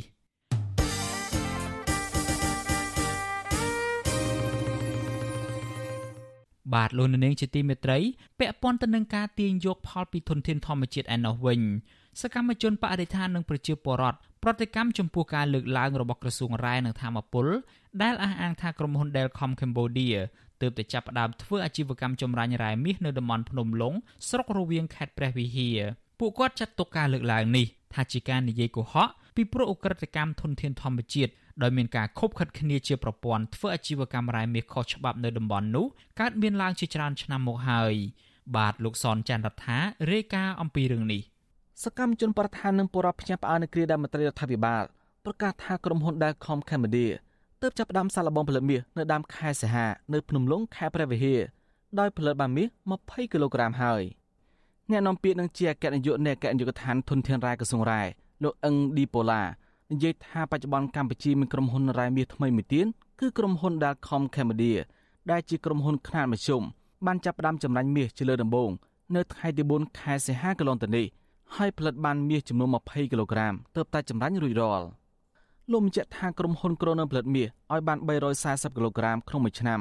ហើយត្រូវបង់ពន្ធស៊ុយសាករជូនរដ្ឋជិត60ម៉ឺនដុល្លារក្នុងមួយឆ្នាំដែលគម្រោងនេះជាការមកដាក់ទុនរួមគ្នាជាមួយអ្នកវិនិយោគក្នុងស្រុកនិងជនជាតិចិនដែលទទួលបានអាជ្ញាប័ណ្ណរករករ៉ែមាសកាលពីឆ្នាំ2009លោកអះអាងថាក្រសួងរ៉ែបានលុបបំបាត់ស្ទើរតែទាំងស្រុងនៅអាជីវកម្មរ៉ែបែបអនាធិបតេយ្យនានានៅទូទាំងប្រទេសដើម្បីធានាបាននូវសុខដុមរមនាដល់ប្រជាពលរដ្ឋនៅតំបន់រ៉ែមាស លោកថ្លែងបែបនេះក្នុងសន្និសីទសារព័ត៌មានមួយនៅក្រុងភ្នំពេញដែលរៀបចំដោយអង្គភាពអ្នកនាំពាក្យរដ្ឋាភិបាលកាលពីថ្ងៃទី9ខែសីហាប្រហែលថ្ងៃមុននេះគឺមានក្រុមហ៊ុន Delcom Delcom បានចាប់ផ្ដើមសាកល្បងផលិតមាស របស់ខ្លួននៅថ្ងៃពហុនេះផលិតបាន20គីឡូ20គីឡូមាសបាទគាត់ផលិតជាដុំមួយដុំ1គីឡូ Delcom ជាក្រុមហ៊ុនខ្នាតមធ្យមរាងតូចដែរទេគម្រោងផែនការអាជីវកម្មនេះគឺគ្រោងផលិត340គីឡូក្នុងមួយឆ្នាំចំណែកពលរដ្ឋនៅតំបន់ភ្នំលុងនិងសកម្មជនការពារបរិស្ថាន ប្រតិកម្មចំពោះការលើកឡើងនេះដោយអះអាងថាក្រសួងរាយនឹងធម្មពលប្រាល្បិចអាក្រក់ប្រព្រឹត្តក្រិតកម្មរ៉ែមាសនៅកម្ពុជាកុហកដល់មហាជននិងពលរដ្ឋ ផ្ទុយពីការពិតជាក់ស្ដែងពួកគាត់បានថែមថាក្រុមហ៊ុន Dalcom Cambodia បានធ្វើអាជីវកម្មរ៉ែមាសជាង10ឆ្នាំមកហើយធ្វើឲ្យរដ្ឋាភិបាលខាត់បងច្រាំងគ្មានចំនួនពន្ធជរដ្ឋប៉ះពាល់ដល់ធនធានធម្មជាតិបរិស្ថាននិងចំនួនដីធ្លីបំផ្លាញដល់ជីវភាពពលរដ្ឋនៅតំបន់នោះតំណាងពលរដ្ឋនៅតំបន់ភ្នំលងខេត្តព្រះវិហារលោកពុយឆេងស្នើឲ្យរដ្ឋាភិបាលស៊ើបអង្កេតដល់ឯករាជ្យនិងត្រឹមត្រូវពីអាជីវកម្មរ៉ែមាសនៅតំបន់ភ្នំលងដែលគេធ្វើអាជីវកម្មចម្រាញ់រ៉ែមាសជាងមួយទសវត្សរ៍មកហើយ ធ្វើឲ្យពលរដ្ឋចំនួន7ភូមិបាត់បង់ដីធ្លីរួមទាំងព្រៃអាស្រ័យផលដោយសារក្រុមហ៊ុន Dalcom Cambodia រំលោភយកច្រើនឆ្នាំមកហើយមកទល់ពេលនេះគ្មានដំណោះស្រាយលោកថាកន្លងទៅគោក្របីអ្នកស្រុកងាប់ច្រើនក្បាលដោយសារពលសារធាតុចម្រាញ់រ៉ែមាសរបស់ក្រុមហ៊ុននេះបន្ថែមពីនេះក្រុមហ៊ុនបានជួនអ្នកមានអំណាចកាងការពារដោយប្រើកំភ្លើងទាហានយានលបានហើយគម្រាមបរំម្ចាស់ស្រុកមិនឲ្យចូលទៅអាស្រ័យផលលើដីស្រែចម្ការរបស់ខ្លួន។ គឺក្រសួងថាហ្នឹងគឺនិយាយឲ្យតែរួចពីមាត់បើនិយាយទៅគឺបំភ្លៃការរិះគន់របស់ប្រជាពលរដ្ឋនៅក្នុងសហគមន៍ណាមួយទៀតដើម្បីលុបបំបត្តិរឿងអាត្រូវកន្លងមកដែលរំលោភយកដីប្រជាពលរដ្ឋខុសនៅច្បាប់រដ្ឋធម្មនុញ្ញបរិបទដែលបន្ថែមថាមកទល់ពេលនេះតំបន់ភ្នំលងមានផ្ទៃដីជាង1200ហិកតា ដែលសម្បូរដោយរ៉ែមាសក្រោមដីត្រូវបានក្រុមហ៊ុន Delcom Cambodia និងក្រុមហ៊ុនមួយចំនួនទៀត ពុះចែកគ្នាធ្វើជីវកម្មដោយបើកចំហលោកថាមកទល់ពេលនេះមានពលរដ្ឋជាង200គ្រួសារភ ieck ច្រើនជាជនជាតិដើមភាគតិចគួយលំបាកវេទនាបាត់បង់ដីស្រែចម្ការចិញ្ចឹមជីវិតហើយបាត់បង់ទីកន្លែងរករ៉ែមាសបែបប្រពៃណីបន្ទាប់ពីមានវត្តមានក្រុមហ៊ុននេះវិទ្យុអាស៊ីសេរីមិនទាន់អាចតាក់ទងសុំការបំភ្លឺនៅនេះពីតំណាងក្រុមហ៊ុន Dalcom Cambodia បានឡើយទេ នៅថ្ងៃទី10ខែសីហាជុំវិញរឿងនេះស្ថាបនិកចលនាមេដាធម្មជាតិលោក Alejandro Gonzalez Davidson មើលឃើញថាការដែលក្រសួងរាយធ្វើរបាយការណ៍កុហកបែបនេះនឹងខាតប្រយោជន៍ដល់រដ្ឋមិនបានប្រមូលពន្ធបានត្រឹមត្រូវជាពិសេសប៉ះពាល់ដល់បរិស្ថាននិងសង្គមធ្ងន់ធ្ងរដោយសារអាជីវកម្មភ្លឹងងងឹតគ្មានការវិរំលាយផលប៉ះពាល់បរិស្ថានត្រឹមត្រូវលោកអះអាងថាក្រុមហ៊ុននេះធ្វើអាជីវកម្មរ៉ែមាសនៅតំបន់ភ្នំលុងរកមាសបានច្រើនតោនក្នុងមួយឆ្នាំមួយឆ្នាំរយៈពេលជាង10ឆ្នាំមកហើយមិនបានបងពុនចូលរដ្ឋតតែសោះហើយអ្នកដែលទទួលបានផលប្រយោជន៍គឺក្រុមអ្នកមានអំណាចមន្ត្រីខលខូចនិងក្រុមហ៊ុនរីឯបរិវត្តខ្មែរ មិនត្រឹមតែគ្មានបានផលពីអាជីវកម្មទៅនេះទេបែរជាខ្លាចជាជនរងគ្រោះដោយសារវិបត្តិដីធ្លីបាត់បង់ធនធានធម្មជាតិនិងគោក្របីងាប់អស់ច្រើនក្បាលដោយសារពុលសារធាតុគីមីគេក្រុមហ៊ុនដែលខំត្រឹមសិក្សាខ្ញុំអត់ជឿទេអាហ្នឹងគឺជាល្បិចកលជាការបោកប្រាស់ និងជាអ ுக ្រិតកម្មទន្ទានធម្មជាតិមួយទៀតបកគលដែលមានអំណាចកម្ពូល បានទូអាជីវកម្មរ៉ែមាសដោយខុសច្បាប់នៅតំបន់ភ្នំលុងនឹងវាយូរហើយវាយូរឆ្នាំមកហើយរដ្ឋក៏ខាតហើយការបំផ្លិចបំផ្លាញទន្ទានធម្មជាតិបូកជាមួយនឹងបាត់បង់ដីធ្លីរបស់ប្រជាជនហ្នឹងក៏ក្រុមហ៊ុន Delcom ជាពិសេសបកគលដែលនៅពីក្រោយក្រុមហ៊ុន Delcom ហ្នឹងគឺគួរតែជាអ្នកទទួលខុសត្រូវរបាយការណ៍ក្រសួងរាយនឹងធម្មពលឲ្យដឹងថាមកទល់ពេលនេះមានក្រុមហ៊ុនចំនួន7 បានទទួលអាជ្ញាប័ណ្ណរករោរ៉ែមាសដែលក្នុងនោះទើបតែមានក្រុមហ៊ុន Renaissance Mineral របស់ប្រទេសអូស្ត្រាលីមួយប៉ុណ្ណោះបានផលិតមាសជាផ្លូវការក្នុងខេមរគិរីក្រសួងថាមកទល់ពេលនេះក្រុមហ៊ុនបានផលិតមាសសរុប234ដុំឬស្មើនឹងជាង3500គីឡូក្រាមហើយក្រុមហ៊ុនបានបង់ពន្ធជរដ្ឋ5លាន2សែនដុល្លារក្នុងមួយឆ្នាំខ្ញុំសុនចាររថាវិទ្យុអេស៊ីសេរីរាយការណ៍ពីរដ្ឋធានីវ៉ាស៊ីនតោនបាទលោកនៅនាងជាទីមេត្រីតកតងនឹងរឿងទ្រព្យសម្បត្តិសាធារណៈរបស់រដ្ឋឯនោះវិញ រដ្ឋាភិបាលលោកហ៊ុនសែនបានសម្រេចកាត់ជ្រៀលផ្ទៃសមុទ្រទំហំ600ហិកតា នៅក្នុងខេត្តកំពតទៅឲ្យក្រុមហ៊ុនឯកជនសម្រាប់អភិវឌ្ឍកំពង់ផែថ្មីមួយក្រោមហេតុផលថាដើម្បីពង្រឹងសេដ្ឋកិច្ចនិងបង្កើនពាណិជ្ជកម្មអនុក្រឹត្យរបស់រដ្ឋាភិបាលចុះហត្ថលេខាដោយលោកហ៊ុនសែនកាលពីថ្ងៃទី6ខែមេសានឹងទើបផ្សព្វផ្សាយជាសាធារណៈនៅក្នុងសប្តាហ៍នេះបានឲ្យដឹងថា ផ្ទៃដីសមុទ្រទំហំ600ហិកតា ស្ថិតនៅក្នុងសង្កាត់ព្រែកថ្នោត ក្រុងបូកូត្រូវបានធ្វើអនុប្រយោគឲ្យទៅក្រុមហ៊ុនឯកជនមួយ មានឈ្មោះថាកំពត Logistics នៅក្នុងទឹកប្រាក់វិនិយោគជិត2000លានដុល្លារ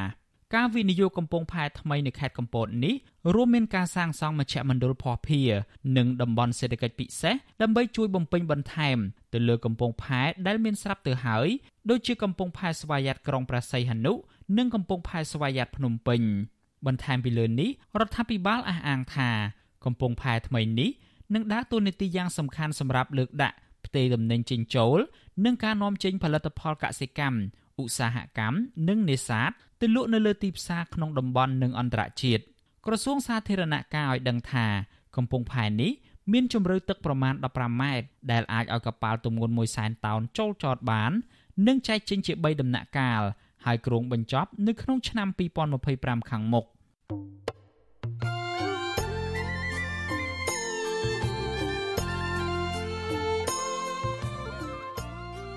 លោកអ្នកនាងជាទីមេត្រី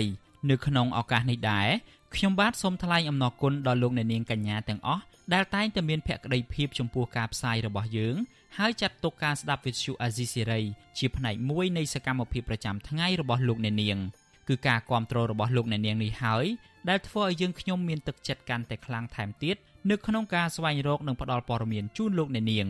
មានអ្នកស្ដាប់អ្នកទស្សនាកាន់តែច្រើនកាន់តែធ្វើឲ្យយើងខ្ញុំមានភាពស្វាហាប់មោះមុតជាបន្តទៅទៀតយើងខ្ញុំសូមអរគុណទុកជាមុនហើយសូមអញ្ជើញលោកអ្នកនាងកញ្ញាចូលរួមជំរុញឲ្យសកម្មភាពផ្តល់ព័ត៌មានរបស់យើងនេះឲ្យកាន់តែជោគជ័យបន្ថែមទៀត លោកអ្នកនាងអាចជួយយើងខ្ញុំបានដោយគ្រាន់តែចុចចែករំលែកឬ Share ការផ្សាយរបស់យើងនៅលើបណ្ដាញសង្គម Facebook និង YouTube ទៅកាន់មិត្តភ័ក្តិដើម្បីឲ្យការផ្សាយរបស់យើងបានទៅដល់មនុស្សកាន់តែច្រើន បាទសូមអរគុណ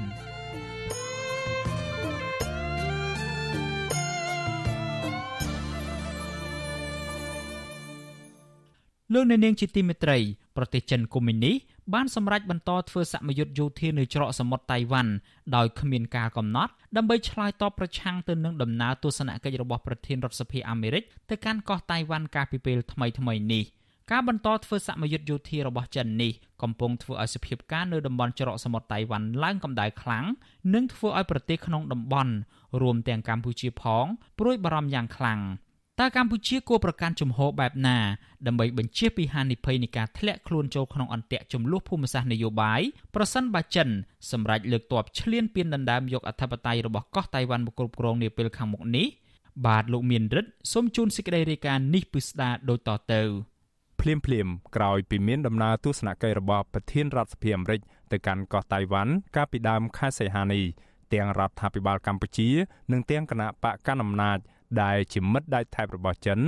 បានឈានមុខគេនៅក្នុងការចេញសេចក្តីថ្លែងការណ៍សម្ដែងក្តីបារម្ភនិងប្រកាសសារជាថ្មីគាំទ្រគោលនយោបាយចិនតែមួយដោយឥតងាករេ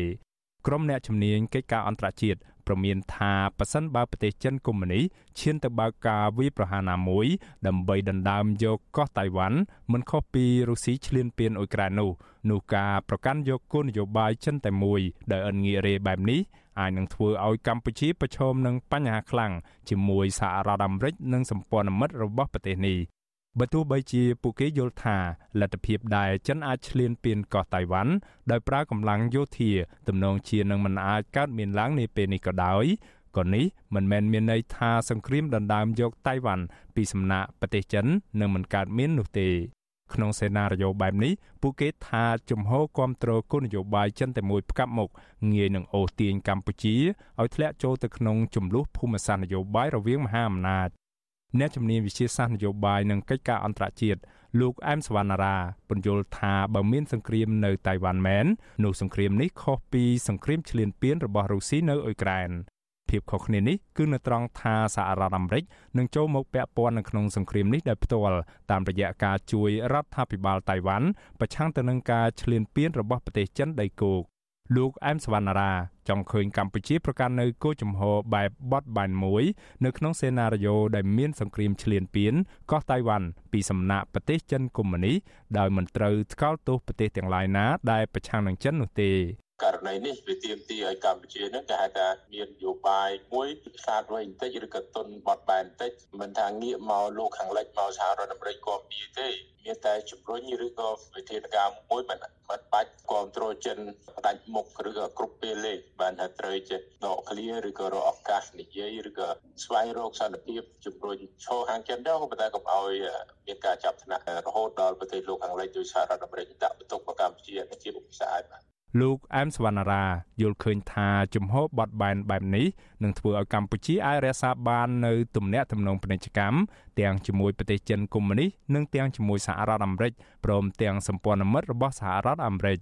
ស្រដៀងគ្នានេះដែរអ្នកសិក្សាស្រាវជ្រាវផ្នែកភូមិសាស្ត្រនយោបាយលោកវ៉ាន់បូណាមើលឃើញថាប៉ះសិនបើមានសង្គ្រាមរវាងចិននិងកោះតៃវ៉ាន់មែននោះគោលជំហរចិនតែមួយឥតងារីរបស់កម្ពុជាអាចនឹងធ្វើឲ្យកម្ពុជាងាយនឹងរងគ្រោះនៅផ្នែកសន្តិសុខជាមួយប្រទេសដែលជាសម្ព័ន្ធមិត្តរបស់អាមេរិកដូចជាវៀតណាម សិង្ហបុរីថៃ និងហ្វីលីពីនជាដើម លោកថាចិនអាចនឹងប្រើប្រាស់មូលដ្ឋានទ័ពសមុទ្ររៀមនៅកម្ពុជា ដើម្បីទប់ទល់ជាមួយប្រទេសទាំងនោះជាការពិតបើសិនជាការចោទប្រកាន់ទៅទៅមូលដ្ឋានទ័ពចិននៅដែនសមុទ្ររៀមជារឿងពិតមែនខ្ញុំគិតថាបើសិនជាសង្គ្រាមទូឡើងមែនចិនអាចប្រើប្រាស់នៅមូលដ្ឋានទ័ពរបស់ កម្ពុជានៅដែនសមុទ្រនេះនឹងដើម្បីទប់ទល់ជាមួយនឹងវៀតណាមក៏ដូចជាសម្ព័ន្ធមិត្តសហរដ្ឋអាមេរិកមួយចំនួនទៀតផងដែរអញ្ចឹងទេវានៅតែធ្វើឲ្យកម្ពុជាខ្លាយទៅជាសមរភូមិនៃការប្រយុទ្ធនៃប្រកួតប្រជែងនៃសង្គ្រាមឬក៏មនោគមវិជ្ជារវាងមហាអំណាចក៏ដូចជាសម្ព័ន្ធមិត្តរបស់សហរដ្ឋអាមេរិកផងដែរដូច្នេះវាជារឿងខុសតាមមែនទែនហើយធ្វើឲ្យកម្ពុជាដើរជន់ទៅទាំងប្រវត្តិសាស្ត្រដើរប្រវត្តិសាស្ត្រចាស់ដែលបានកើតឡើងកន្លងមកបាទ លោកវ៉ាន់បូណាយល់ថាក្នុងស្ថានភាពបែបនេះកម្ពុជាគួរព្យាយាមអំពាវនាវឲ្យភាគីពាក់ព័ន្ធដោះស្រាយបញ្ហានៅតៃវ៉ាន់នេះដោយប្រើយន្តការរបស់អង្គការសហប្រជាជាតិនិងយន្តការតំបន់ដែលមានស្រាប់ យើងអាចថាកម្ពុជាគ្រប់គ្រងនៅគោលនយោបាយចិនតែមួយដោយសារគោលនយោបាយចិនតែមួយមែនទេទៅបានគ្រប់គ្រងដោយមហាអំណាចសូម្បីសហរដ្ឋអាមេរិកក៏ដូចជាសមាជិកអាស៊ានទាំងអស់ផងដែរក៏ប៉ុន្តែកម្ពុជាបង្ហាញពីគោលនយោបាយគ្រប់គ្រងគោលនយោបាយចិនតែមួយក៏ប៉ុន្តែកម្ពុជាព្យាយាមអំពាវនាវឲ្យភាគីទាំងសងខាងដោះស្រាយដោយសន្តិវិធីហើយអាចយកវេទិកាអាស៊ានជាអ្នកសម្របសម្រួលឲ្យមានកិច្ចចរចាផងដែរប៉ុន្តែគ្រប់គ្រងក្នុងគោលនយោបាយចិនតែមួយនេះមានមិនមែនមានន័យថាឲ្យកម្ពុជានឹងគ្រប់គ្រងការធ្វើសង្គ្រាមរបស់ចិនជាមួយនឹងសហរដ្ឋអាមេរិកគ្រប់គ្រងគោលនយោបាយចិនទៅមួយក្នុងនេះខ្ញុំចង់សម្ដៅទៅលើឲ្យកម្ពុជាគិតថាតៃវ៉ាន់និងចិនអាចជាប្រទេសតែមួយក៏ប៉ុន្តែតើតើនឹងជនការដោះស្រាយពីចំនួនរវាងតែចិននិងតៃវ៉ាន់គឺឲ្យភាគីទាំងអស់នេះចរចាគ្នាឬក៏ប្រើយន្តការអង្គការសហជីវជាតិឬក៏យន្តការសៀវសម្រាប់បញ្ជាការដោះស្រាយបាទរដ្ឋាភិបាលកម្ពុជាបានចេញសេចក្តីថ្លែងការណ៍កាលពីថ្ងៃទី3ខែសីហាថា ខ្លួនកំពុងតាមដានយ៉ាងយកចិត្តទុកដាក់ចំពោះសភាពការវិវត្តថ្មីៗនៅច្រកសមុទ្រតៃវ៉ាន់និងព្រួយបារម្ភយ៉ាងខ្លាំងចំពោះការកើនឡើងនៃភាពតានតឹងថ្មីៗនេះ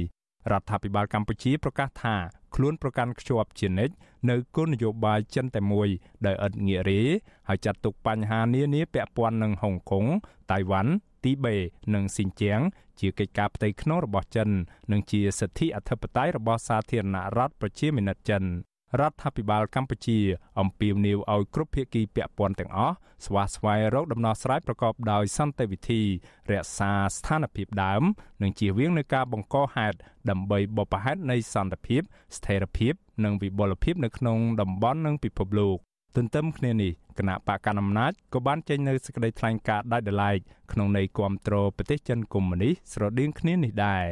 អ្នកនាំពាក្យគណៈបកប្រជាជនកម្ពុជាលោកសុកអេសានប្រាប់វិសុយស៊ីស្រីថាប៉ះសិនបើឈានទៅដល់មានសង្គ្រាមនៅកោះតៃវ៉ាន់មែននោះគណៈបករបស់លោកនៅតែប្រកាន់គោលជំហរនយោបាយចិនតែមួយនេះដដែលដែលចាត់ទុកបញ្ហានេះគឺជាកិច្ចការផ្ទៃក្នុងរបស់ប្រទេសចិន តាមពិតកម្ពុជាជាប្រទេសតូចមិនចង់ឲ្យមានសង្គ្រាមរវាងមហាអំណាចនិងមហាអំណាចទេពីព្រោះដូចពាក្យខ្មែរនិយាយយើងកណាតម្រៃជល់គ្នាវាល្អិតអីសកសម្ហោចសង្អាយណែអាហ្នឹងនៅយើងនៅនយោបាយរបស់យើងអត់ងាកទេទេនៅតែប្រកាន់ចំហចិនតែមួយតដែល សង្គ្រាមបើសិនណាជាមានរវាងចិននិងតៃវ៉ាន់អាហ្នឹងជារឿងកិច្ចការផ្ទៃក្នុងរបស់ចិនមិនមែនសង្គ្រាមរវាងប្រទេសទាំងពីរទេបាទត្រង់ប្រទេសណាយល់យ៉ាងម៉េចអាហ្នឹងជានយោបាយរបស់ប្រទេសនោះរៀងរៀងខ្លួនបាទប្រទេសចិនកុម្មុយនីបានប្រកាសបន្តធ្វើសម្ពយុទ្ធយោធាដោយគ្មានការកំណត់បញ្ចប់ ដោយផ្ដោតលើការប្រឆាំងទៅនឹងនាវាមុជទឹកក្រោយពីបានបញ្ចប់សម្ពយុទ្ធយោធារយៈពេល4ថ្ងៃកន្លងទៅភ្លាមភ្លាមក្រោយដំណើរទស្សនកិច្ចរបស់ប្រធានរដ្ឋសភាអាមេរិកអ្នកស្រី Nancy Pelosi ទៅកោះតៃវ៉ាន់ដែលស្មើនឹងការបិទគប់នៅចរាចរណ៍តាមផ្លូវសមុទ្រនិងអាកាសនៅកោះតៃវ៉ាន់ ក្រសួងការពារជាតិតៃវ៉ាន់ឲ្យដឹងថាចិនបានប្រើយន្តហោះចម្បាំងចំនួន39គ្រឿងនិងនាវាចម្បាំងចំនួន13គ្រឿងនៅក្នុងនិងជុំវិញច្រកសមុទ្រតៃវ៉ាន់នៅក្នុងអំឡុងពេលធ្វើសម្ពយុទ្ធកាលពីថ្ងៃច័ន្ទទី8ខែសីហាជាការឆ្លើយតបនៅថ្ងៃអង្គារទី9ខែសីហារដ្ឋាភិបាលកោះតៃវ៉ាន់បានបាញ់គ្រាប់ពិតជាច្រើនគ្រាប់ ចេញពីឆ្នេរនៅភូមិខាងត្បូងនៃកោះតៃវ៉ាន់ជាផ្នែកមួយនៃការធ្វើលំហាត់សម្ពយុទ្ធដើម្បីការពារកោះតៃវ៉ាន់ដែលមានកងទ័ពចំនួន700នាក់ចូលរួមអ្នកជំនាញភូមិសាស្ត្រនយោបាយបណ្ឌិតរវណ្ណៈយល់ថាកម្ពុជានឹងរងនឹងការឃ្លាំមើលនិងទទួលរងនឹងការគំរាមកំហែងផ្នែកសន្តិសុខពីសំណាក់សម្ព័ន្ធមិត្តរបស់សហរដ្ឋអាមេរិកប្រសិនបើមានសង្គ្រាមផ្ទុះឡើងមែនដែលលោកថាអាចនឹងវិវត្តទៅជាសង្គ្រាមលោកលើកទី3តែម្ដងនោះ។ ខ្ញុំមើលឃើញថាដោយសារតែកម្ពុជាស្និទ្ធជាមួយនឹងចិនអញ្ចឹងអរិភាពទាំងឡាយដែលកើតឡើងរវាងចិននិងសហរដ្ឋអាមេរិកយើងដឹងហើយថានឹងទទួលរងនៅសម្ពាធពីសហរដ្ឋអាមេរិកនិងសម្ព័ន្ធមិត្តក្នុងរូបភាពទ្រង់ទ្រាយណាមួយក្នុងមានន័យថាបញ្ហាសន្តិសុខរបស់កម្ពុជានឹងទទួលរងនៅការខ្លាំមើលនិង ទួលរងនៃការគម្រាមកំហែងពីសម្ព័ន្ធមិត្តរបស់សហរដ្ឋអាមេរិកដែរជាពិសេសគឺដៃគូយុទ្ធសាស្ត្ររបស់អាមេរិកគឺវៀតណាមយើងដឹងហើយថាវៀតណាមគឺច្បាស់ជាមានជំហរងាករេទៅរកសហរដ្ឋអាមេរិកជាងចិននៅក្នុងក្របខ័ណ្ឌសន្តិសុខពាក់ព័ន្ធទៅនឹងការវាតម្លៃថាតើមានលទ្ធភាពប៉ុណ្ណាដែលប្រទេសចិនកុម្មុយនីសអាចនឹងបើកការវាប្រហារឈ្លានពានយកកោះតៃវ៉ាន់នៅក្នុងស្ថានភាពបច្ចុប្បន្ននេះអ្នកជំនាញកិច្ចការអន្តរជាតិមួយរូបទៀត គឺបណ្ឌិតអៀសផលពន្យល់ថាយើងធ្លាប់បានគិតថាពីដំបូងឡើយប្រទេសរុស្ស៊ីនឹងមិនបើកការវាយប្រហារក្រោយការធ្វើសម្ពយុទ្ធយោធាស្រដៀងគ្នានេះទេក៏ប៉ុន្តែក្រោយមកប្រទេសនេះបានបើកការវាយប្រហារទៅលើប្រទេសអ៊ុយក្រែនយ៉ាងជាក់ច្បាស់តែម្ដងបណ្ឌិតអៀសផលពន្យល់បន្តថាបញ្ហានៅត្រង់ថាប្រទេសចិនបានបញ្ចេញប្រតិកម្មជ្រុលប្រឆាំងទៅនឹងដំណើរទស្សនកិច្ចរបស់ប្រធានរដ្ឋសភាអាមេរិកទៅកោះតៃវ៉ាន់ លោកបន្តថាប្រទេសចិនមិនគួរបង្កហេតុឲ្យមានការធ្វើសម្ពយុទ្ធយោធាទ្រង់ទ្រាយធំមិនធ្លាប់មានពីមុនមកយ៉ាងដូចនេះនោះទេ ដែលវាគួរតែកើតឡើង តែនៅពេលដែលកោះតៃវ៉ាន់ប្រកាសឯករាជ្យតែប៉ុណ្ណោះក៏ប៉ុន្តែលោកថាកោះតៃវ៉ាន់មិនបានប្រកាសឯករាជ្យនៅឡើយទេ ហើយវានឹងមិនទាន់កើតមានឡើងនោះទេខ្ញុំបាទមេរិត Visual C ស្រីរាយការណ៍ពីរដ្ឋធានី Washington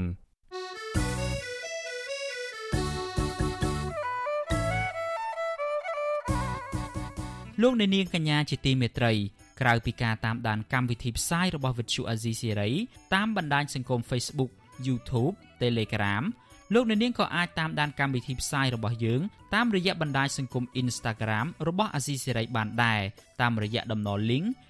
www.instagram.com/rfa ខ្មែរអាស៊ីសេរីបន្តខិតខំផ្សព្វផ្សាយព័ត៌មានពិតទៅកាន់បងប្អូនតាមរយៈបណ្ដាញសង្គមផ្សេងៗ និងសម្បូរបែបដើម្បីឲ្យលោកអ្នកនាងងាយស្រួលតាមដានកម្មវិធីផ្សាយរបស់យើងគ្រប់ពេលវេលា និងគ្រប់ទីកន្លែងតាមរយៈទូរស័ព្ទរបស់លោកអ្នកបាទសូមអរគុណ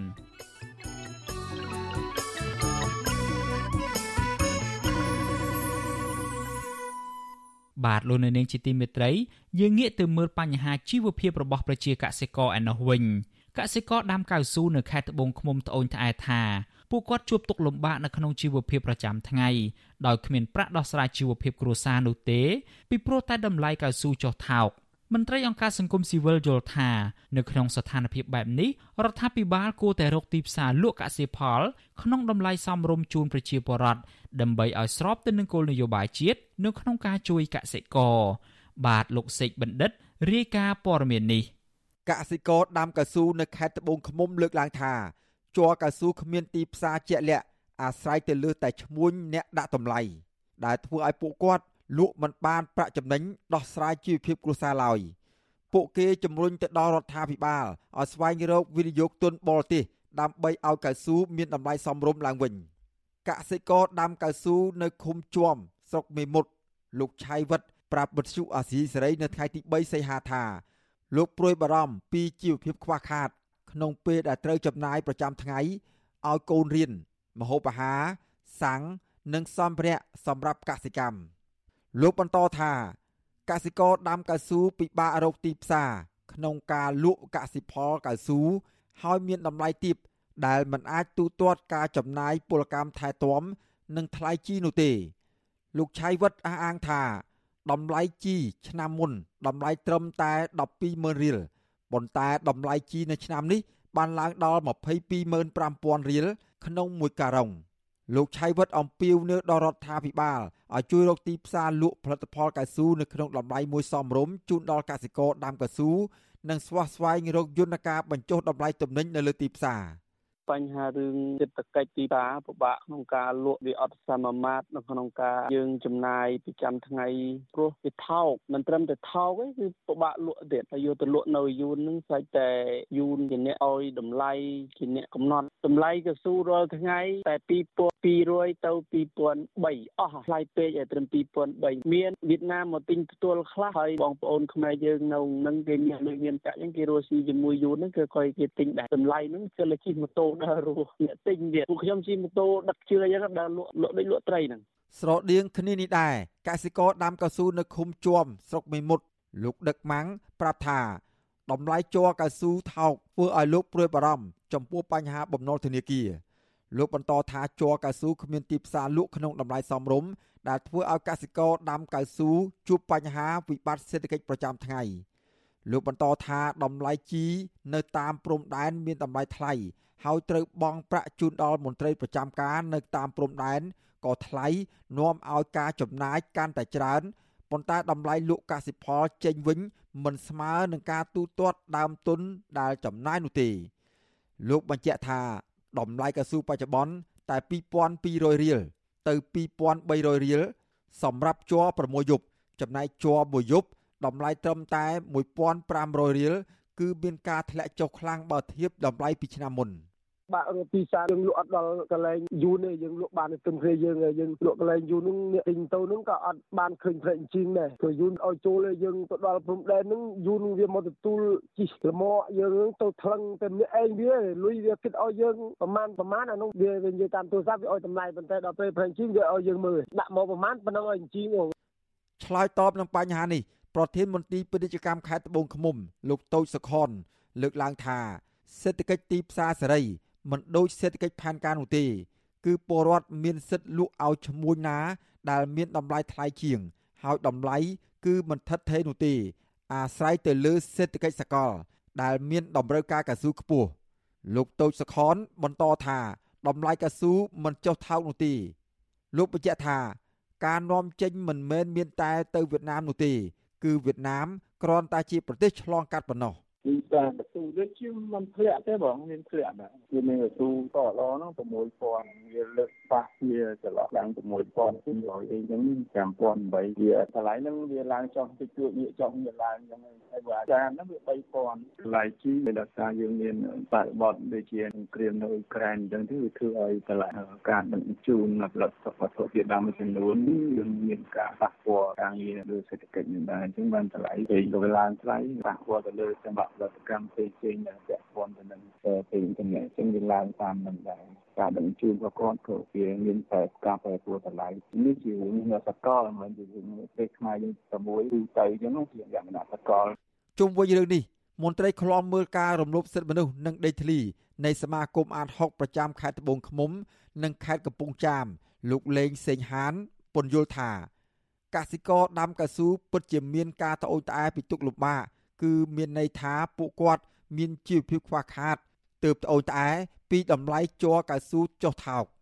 លោកបន្តថាកសិករដាំកៅស៊ូព្រួយបារម្ភថាក្រោយពីតម្លៃប្រេងឡើងថ្លៃធ្វើឲ្យពលរដ្ឋនិងកសិករដាំកៅស៊ូជួបការលំបាកច្រើនដោយតម្លៃទំនិញតម្លៃជីមានតម្លៃថ្លៃប៉ុន្តែកសិផលលក់ចេញមានតម្លៃថោកដែលធ្វើឲ្យសេដ្ឋកិច្ចគ្រួសាររបស់ប្រជាពលរដ្ឋកាន់តែដុនដាបពីមួយថ្ងៃទៅមួយថ្ងៃលោកលេងសេងហាន ថាអាញាធររដ្ឋត្រូវធានាដល់ពលរដ្ឋនៅក្នុងការរកទីផ្សារជាក់លាក់សមស្របទៅតាមរដ្ឋធម្មនុញ្ញមិនមែនឲ្យតែពលរដ្ឋស្វែងរកទីផ្សារដោយខ្លួនឯងនោះទេ ក្នុងគោលការណ៍ច្បាប់គេបានកំណត់អំពីគោលការណ៍ជាក់លាក់ជាពិសេសនៅក្នុងរដ្ឋធម្មនុញ្ញទោះបីជាពលរដ្ឋមានសិទ្ធិលក់ដូរផលិតផលរបស់គាត់ដោយសេរីក៏ដោយប៉ុន្តែនៅក្នុងមាត្រា61នៅក្នុងរដ្ឋធម្មនុញ្ញហ្នឹងគេនិយាយអំពីកាតព្វកិច្ចរបស់រដ្ឋគេថារដ្ឋជំរុញការអភិវឌ្ឍសេដ្ឋកិច្ចគ្រប់វិស័យជាពិសេសកសិកម្មសិប្បកម្មហ្នឹងហើយមួយទៀតនៅក្នុងមាត្រា62ហ្នឹងក៏បាននិយាយដែរថារដ្ឋយកចិត្តទុកដាក់ជួយដោះស្រាយមធ្យោបាយផលិតការពារថ្លៃផលិតផលជូនកសិករសិប្បករនឹងជួយរកទីផ្សារលក់ផលិតផលអញ្ចឹងមានន័យថាច្បាប់គេបានចងនៅកាតព្វកិច្ចរបស់គាត់ទៅធានាឲ្យបាននៅ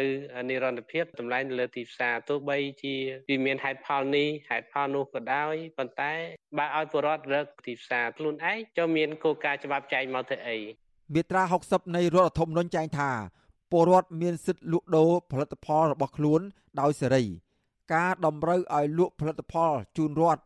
ឬការយកភោគផលឬទ្រព្យសម្បត្តិឯកជនទៅប្រើប្រាស់ទោះបីជាមួយរយៈពេលក៏ដោយក៏ត្រូវហាមឃាត់វាលែងតែក្នុងករណីពិសេសដែលមានច្បាប់អនុញ្ញាតមាត្រា62នៃរដ្ឋធម្មនុញ្ញចែងទៀតថារដ្ឋយកចិត្តទុកដាក់ជួយដោះស្រាយមធ្យោបាយផលិត ការពារថ្លៃផលិតផលជូនដល់កសិករសិប្បករនិងជួយរកទីផ្សារលក់ផលិតផល សង្គមស៊ីវិលយល់ថា រដ្ឋាភិបាលត្រូវមានគោលការណ៍ច្បាស់លាស់ក្នុងការលក់កសិផល និងមានទំនុកចិត្តពេលគាត់បង្កប្រកាន់ផលរដ្ឋាភិបាលត្រូវយល់អំពីកាតព្វកិច្ចរបស់ខ្លួន ចំពោះពលរដ្ឋដោយធានាថាពលរដ្ឋមិនខ្វះទីផ្សារក្នុងការលក់កសិផលរបស់ពួកគាត់នោះឡើយខ្ញុំបាទសេកបណ្ឌិតវិទ្យុអាស៊ីសេរីពីរដ្ឋធានីវ៉ាស៊ីនតោន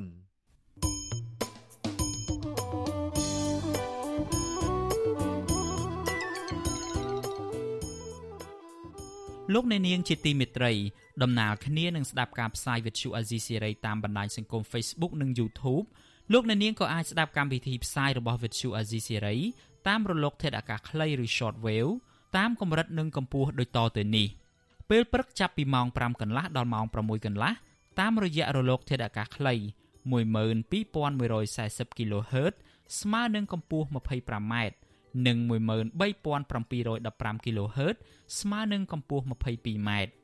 ពេលយប់ចាប់ពីម៉ោង7កន្លះដល់ម៉ោង8កន្លះតាមរយៈរលកធាតុអាកាសខ្លី9960 kHz ស្មើនឹងកម្ពស់ 30m 12140 kHz ស្មើនឹងកម្ពស់ 25m និង11885 kHz ស្មើនឹងកម្ពស់ 25m